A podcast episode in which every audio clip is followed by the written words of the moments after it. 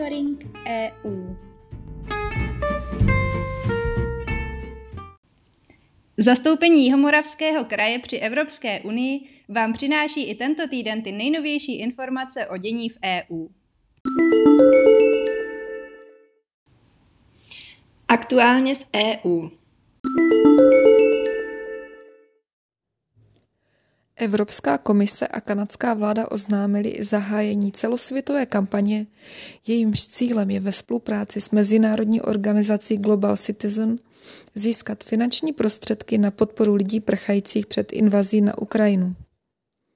Cílem kampaně Stojíme za Ukrajinou, Stand Up for Ukraine, je mobilizovat vlády, instituce, umělce, podniky i jednotlivce – aby poskytnutím finančních prostředků podpořili humanitární úsilí na Ukrajině a v sousedních zemích. Organizace Global Citizen poskytne v nejbližších dnech podrobnější informace o tom, jak mohou lidé pomoci. Kampaň vyvrcholí 9. dubna dárcovskou akcí, kterou společně pořádá předsedkyně Evropské komise Ursula von der Leyenová a kanadský premiér Justin Trudeau. Cílem je získat finanční prostředky a mobilizovat podporu k zajištění potřeb vnitřně vysídlených osob a uprchlíků. Polsko, Litva a Ukrajina spojili své síly s agenturou Evropské unie pro justiční spolupráci. Společně vyšetří údajné válečné zločiny či zločiny proti lidskosti páchané na Ukrajině. Státy se dohodly na spolupráci při výměně informací a důkazů. Účast na společném vyšetřování může být podle agentury časem rozšířena na další členské státy Evropské unie nebo na třetí země. Cílem této iniciativy je usnadnit zhromažďování důkazů a výměnu informací. Eurojust bude týmu poskytovat právní, finanční a analytickou podporu a koordinovat spojení s dalšími mezinárodními vyšetřovateli. Vyšetřování možných válečných zločinů na Ukrajině již oznámil také Mezinárodní trestní soud v Hágu. Evropská unie poskytne Česku, Slovensku a Moldavsku 70 tisíc vakcín pro očkování dětí ukrajinských uprchlíků.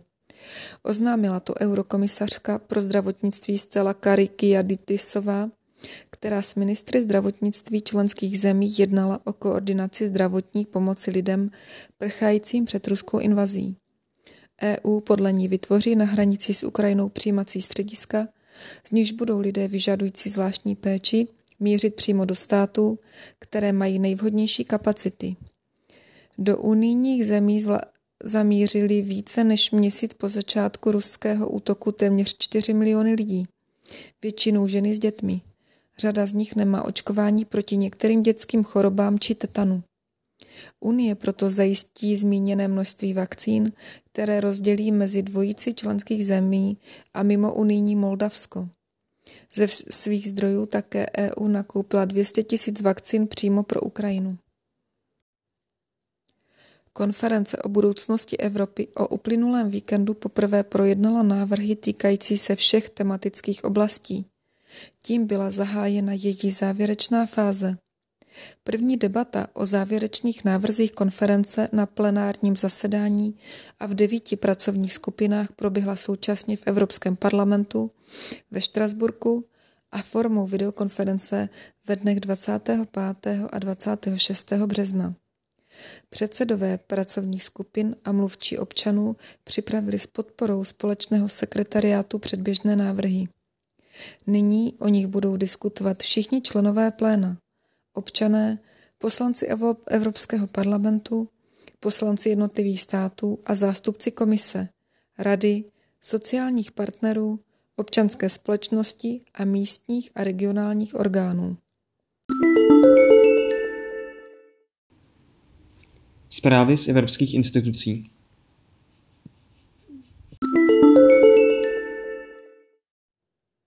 Evropská komise předložila balíček návrhů v rámci Zelené dohody pro Evropu, podle kterých se mají udržitelné výrobky stát v Evropské unii normou a které mají podpořit oběhové obchodní modely a zlepšit postavení spotřebitelů v kontextu zelené transformace.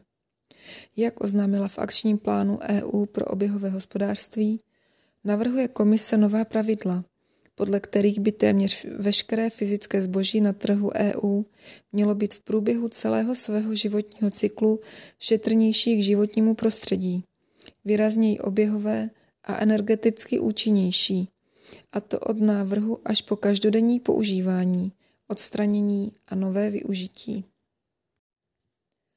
Komise dále navrhuje aktualizovat pravidla EU na ochranu spotřebitele s cílem posílit postavení spotřebitelů v zájmu ekologické transformace. Aktualizovaná pravidla spotřebitelům umožní činit při nakupování informovaná a ekologicky umě uvědomělá rozhodnutí. Spotřebitelé budou mít právo na informace o životnosti kupovaného výrobku a o jeho případné opravitelnosti. Pravidla navíc posílí ochranu spotřebitele před nedůvěrohodnými nebo falešnými environmentálními tvrzeními, neboť zakážou tzv. lakování na zeleno a praktiky, které spotřebitele uvádějí v omyl ohledně životnosti výrobku. Rada Evropské unie přijala dvě opatření pomocí v rámci Evropského mírového nástroje, která EU umožní dále podporovat schopnosti a odolnost ukrajinských ozbrojených sil při obraně územní celistvosti a svrchovanosti země a ochraně civilního obyvatelstva před pokračující vojenskou agresí Ruska. Tato opatření pomoci navýší původní rozpočet o dalších 500 milionů eur, čím se původní částka zdvojnásobí na 1 miliardu eur. Dohodnutá opatření pomoci budou financovat jak poskytování vybavení a zásob, jako jsou osobní ochranné prostředky, soupravy první pomoci a palivo, tak i vojenského vybavení a platform určených k nasazení smrtící síly pro obrané účely. Byla rovněž prodloužena doba trvání opatření pomoci o 12 měsíců. Evropská komise oznámila tři nové výzvy k předkládání návrhů, díky nimž se nový evropský Bauhaus stane skutečností. Podpora je konkrétně určena občanům, městům i menším městům, aby se projekt Nový evropský Bauhaus stal pevnou součástí jejich komunit. První a druhá výzva, které vyhlásil Evropský inovační a technologický institut, jsou zaměřeny na opatření v oblasti zapojení občanů a společné utváření veřejných prostor s občany. Třetí výzva s názvem Podpora místních iniciativ nového evropského Bauhausu poskytne technickou pomoc malým a středním obcím. Zástupci členských států Evropské komise a Evropského parlamentu se shodli na nových pravidlech, která mají zlepšit dohled nad chováním velkých internetových firm. Tito tzv. gatekeepři budou muset dodržovat nové povinnosti, jejich menší konkurenti by se tak dočkali požadované ochrany. EU chce novými pravidly reagovat na fakt, že několik největších hráčů na trhu dosud zneužívalo své dominantní postavení. Kvůli rychlému růstu odvětví navíc zákonodárci nestíhali držet z giganty krok a legislativa tak byla zastaralá.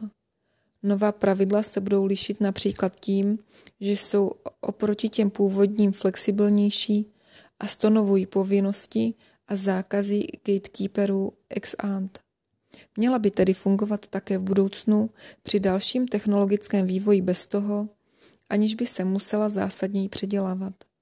Na nové legislativě pracovaly instituce od roku 2020.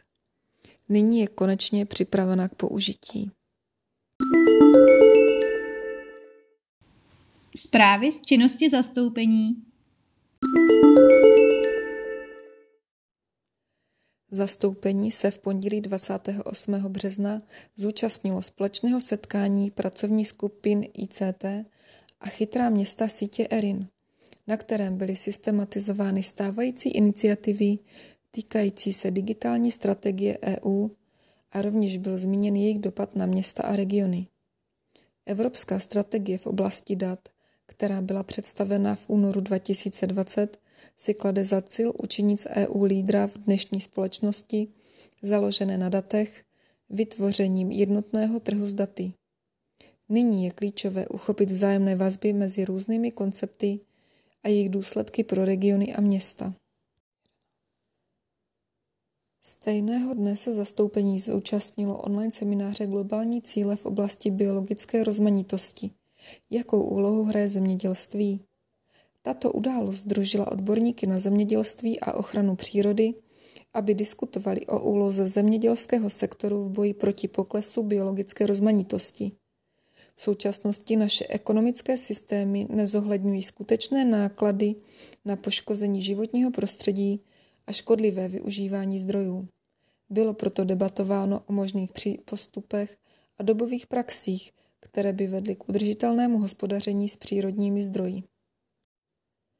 Poslední pondělní akcí byl webinář, který spolupořádali Společné výzkumné centrum JRC Evropské komise a Evropská asociace výzkumných a technologických institucí s názvem Na cestě k realizaci strategie Evropské unie pro technologické infrastruktury.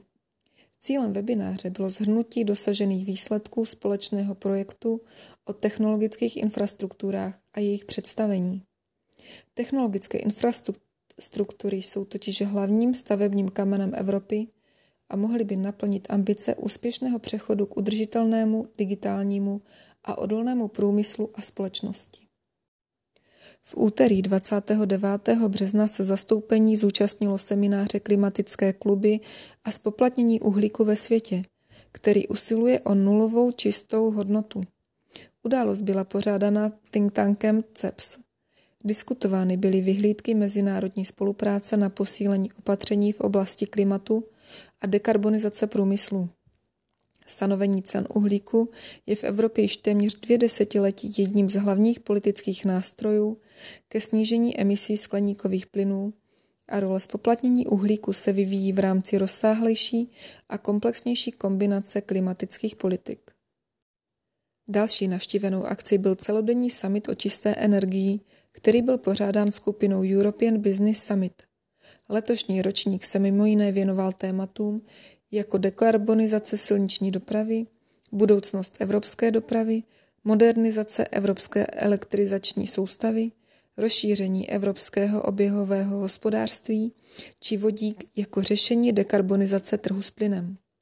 Na samitu bylo možné diskutovat se zástupci politických, podnikatelských a akademických kruhů s jasným cílem. Vyřešení přechodu na čistou energii uprostřed probíhající výzev, kterým Evropa čelí. Zastoupení nechybělo také na konferenci ESPON 2020 až 2030, která uzavřela jedno programové období a poskytla příležitost představit a prodiskutovat úspěchy a budoucnost programu na další výhledové období. Jako úkol na další období zazněla nutnost zvýšit povědomí o programu ESPON, osvětou, individuálnějším přístupem, možností služeb na vyžádání a podobně a o novém strategickém a integrovaném přístupu. Ve středu 30. března se zastoupení zúčastnilo workshopu týkajícího se nástroje Hop on Facility, který uspořádala německá výzkumná asociace Helmholtz. Na workshopu byl detailně představen nástroj Hop on Facility z pracovního programu Horizont Europa pro rozšiřování účastí a posilování evropského výzkumného prostoru ERA – pro rok 2022. Tento nástroj přináší možnost stát se členem konzorcia v některém z běžících projektů z druhého pilíře Horizontu Evropa.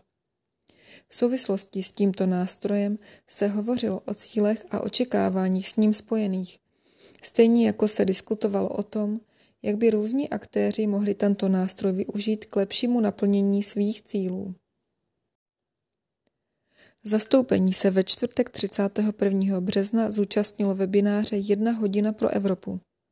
Tématem setkání bylo posílení konkurenceschopnosti Evropy prostřednictvím znovu spuštěného evropského výzkumného prostoru, stav provádění a nadcházející iniciativy. Evropský výzkumný prostor byl spuštěn v roce 2000 a jeho proces revitalizace byl spuštěn v roce 2018 a to s ohledem na zelenou a digitální transformaci. Na webináři byly představeny iniciativy, jakými jsou ERAHuby, iniciativa Evropských univerzit či mise Evropské unie. Celý monitoring EU si také můžete přečíst na našich webových stránkách www.kjmk.eu v sekci aktuality. thank you